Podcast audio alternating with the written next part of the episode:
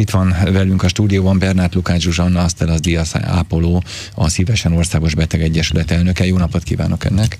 Üdvözlöm Önöket! És Szűcs Zsuzsanna, a Magyar Dietetikus Országos Szövetségének elnöke. Jó napot kívánok Önnek Jó napot kívánok! Elég, elég rémítőek a számok. Három millió honfitársunk él magas vérnyomással, és egy millióan pedig nem nagyon tudják, hogy érintettek. Ez a három millió már tudja, hogy érintett. Ez tényleg, ez azért a, a népességnek közel a fele, 40 százaléka. A három millióból körülbelül 2 millió tudja azt, hogy érintett. Sajnos a magyar emberre az a jellemző, hogy bármennyire is van otthon vérnyomásmérő, mondjuk a nagymama megnézi a vérnyomását, de a családtagok már nem.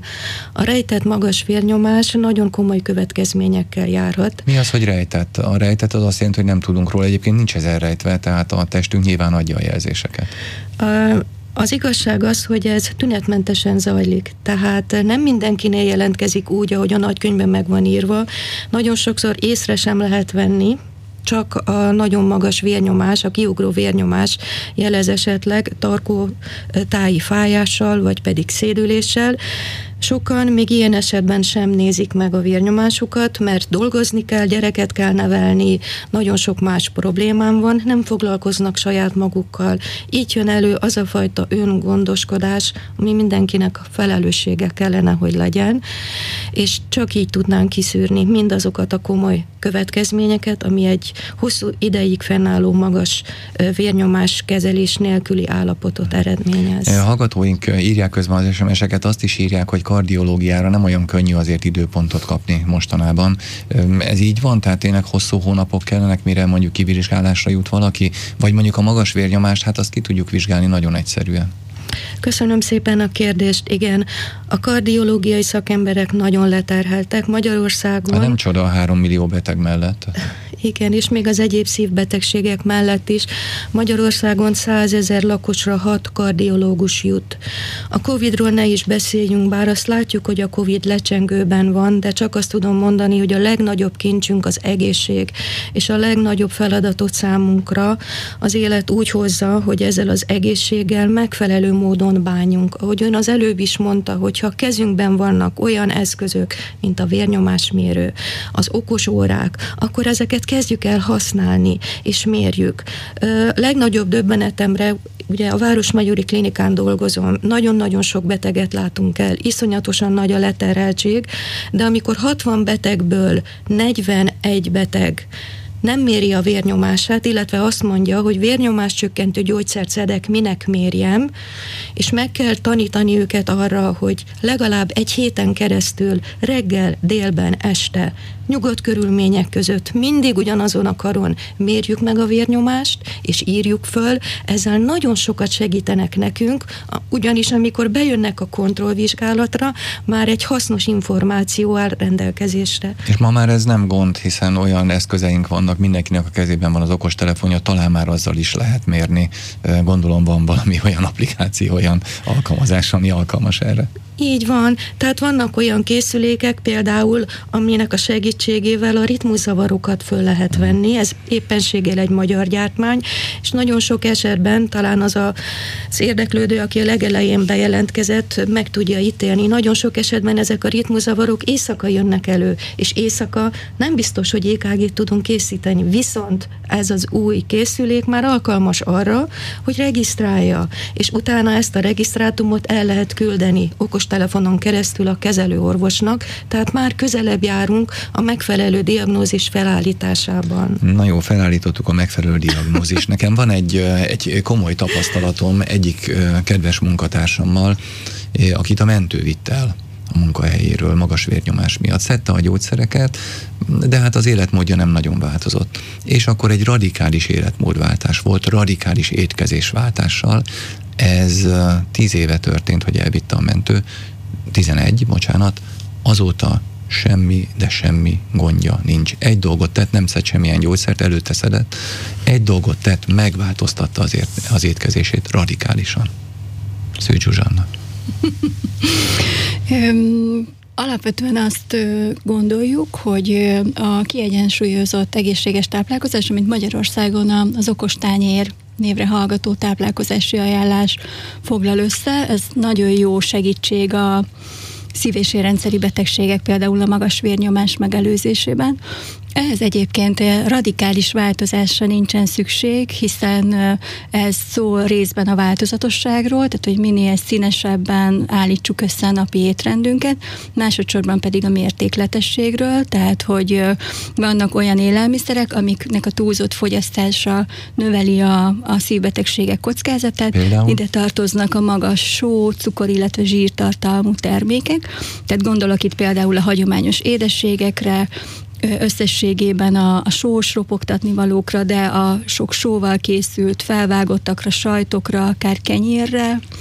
Gondolok de itt akkor például tulajdonképpen a... sóval tartósított élelmiszerek is ide tartoznak, ugye? Abszolút, azok, uh-huh. tehát a túlzott sófogyasztás, ami Magyarországon nagyon is jellemző, tehát egy átlagos felnőtt a napi ajánlott sómennyiség két és fél háromszorosát, egy gyerek minimálisan négyszeresét fogyasztja el. A gyerekek ez többet? önmagában. A gyerekek többet hogy, alapvetően azért, mert ugye az ő súlyukhoz kisebb az ajánlott Értem. napi sóbevitel, tehát ez sokkal-sokkal könnyebb túllépni és uh, nyilván azok a, a magas zsírtartalmú élelmiszerek, amik nagyon jellemzőek Magyarországon, tehát akár a, a zsír, magas zsírtartalmú felvágottak, húsok, ugye szeretjük tunkolni a szaftot, uh, nagyon sok recept kezdődik úgy, hogy végy egy nagy tábla szalonnát, azt vágt föl és olvaszt föl. Tehát De ez nem az okostányéron kezdődnek így a receptek? Hát az okostányér egy picikét így más megközelítésben, tehát ott onnan indulunk, hogy érdemes ezeket a, az összetevőket azért így mérsékelni. Jó, hogy találjuk meg az okostányért? Ez, hogy okostányér beütöm a keresőbe? Okostányér.hu uh-huh. oldalon elérhető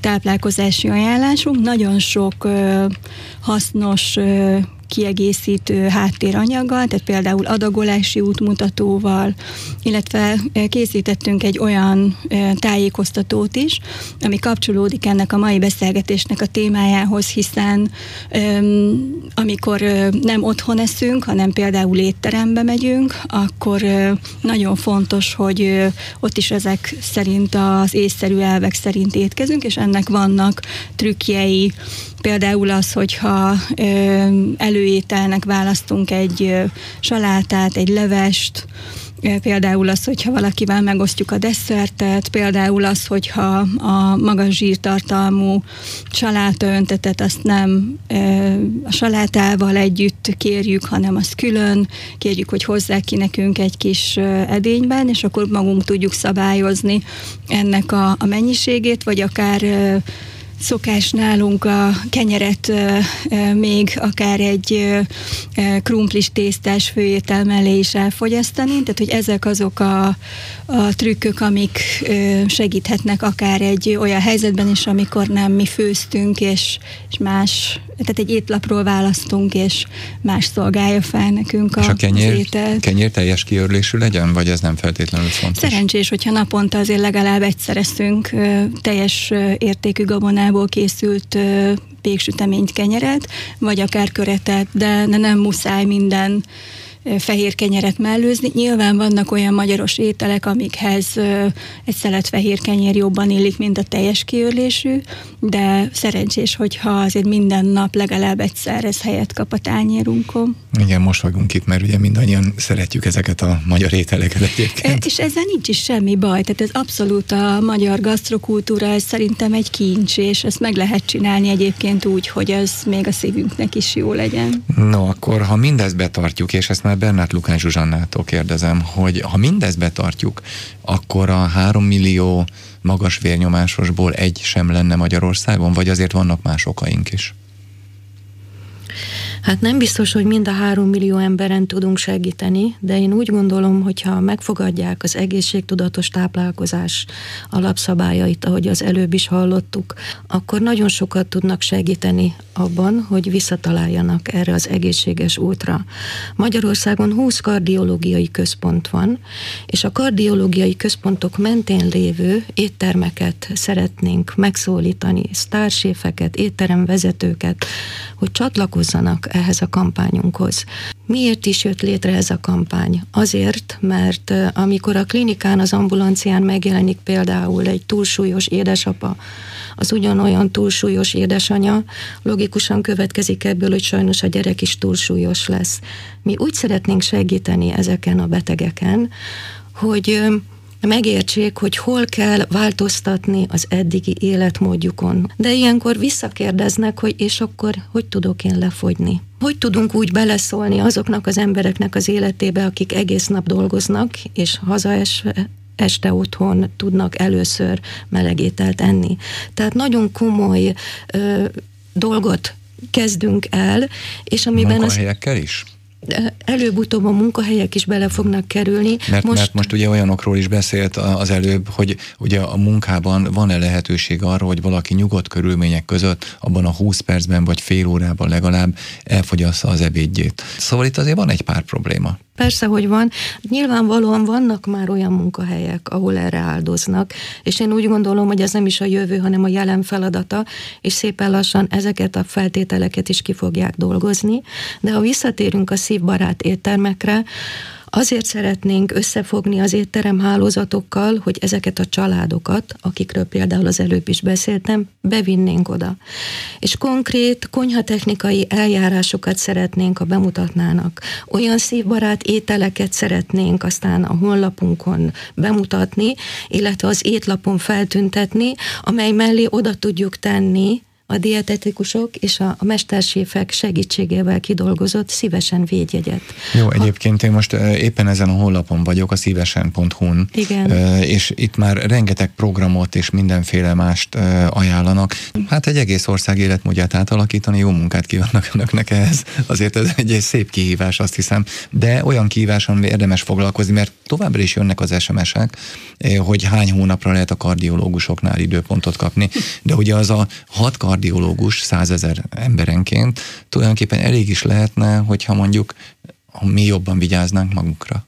Abszolút egyetértek ezzel a kijelentéssel. Visszatérve a szívbarát étterem hálózatra. Igen, és a, és a programra, amit ugye három nap múlva indítanak, 11-én, ugye akkor Igen. indítják a kampányt. Igen, nem csak egy beteget, nem csak a férfit vagy a gyereket szeretnénk megtanítani egészségesen táplálkozni, hanem az egész családot és ez nem lesz egy könnyű feladat, viszont hogyha ez a szívesen étterem hálózat, szívbarát étterem hálózat kialakul, akkor én úgy gondolom, hogy a szívbetegek, az érdeklődők országosan sokkal nagyobb mértékben fogják tudni meglátogatni ezeket az éttermeket.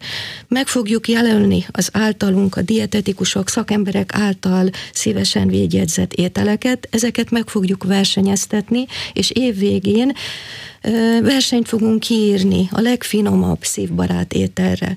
És nem csak egy hónapban gondolkodunk, hanem hosszú, hosszú évekre szeretnénk tervezni, és évvégén pedig akár egy vándorság átadásával díjazni az éttermeknek ezt a közös együttműködését. Megvan már, hogy mi lesz az a jelkép, amit kitesznek ezek a, az éttermek? Ez a piros-kék szív, ami Igen, a Szívesen Egyesületnek a jelképe? Így van ez a jelkép, és ez alá majd még egy kis szöveg fog kerülni. Sokan álltak mellé, önzetlenül, mindenki segíteni akar, mert valamennyien érdekeltek vagyunk ebben a dologban. Igen, érdekeltek vagyunk. Azt mondja akkor Szűz Zsuzsanna, hogy, hogy tulajdonképpen apró változásokkal is már komoly dolgokat tudunk elérni, ha kiveszünk egy-egy dolgot az életmódunkból. A radikálisat azt mosolygottak, amikor mondtam, hogy radikális életmód, vagy étkezésváltás volt, mert azt igazából nem javasolja, tehát szépen lassan mert a radikalizmusnak semmiféle oka nincsen ebben az esetben, vagy nem tartható sokáig? Az életmódváltás az nem egy sprint, hanem egy maraton, tehát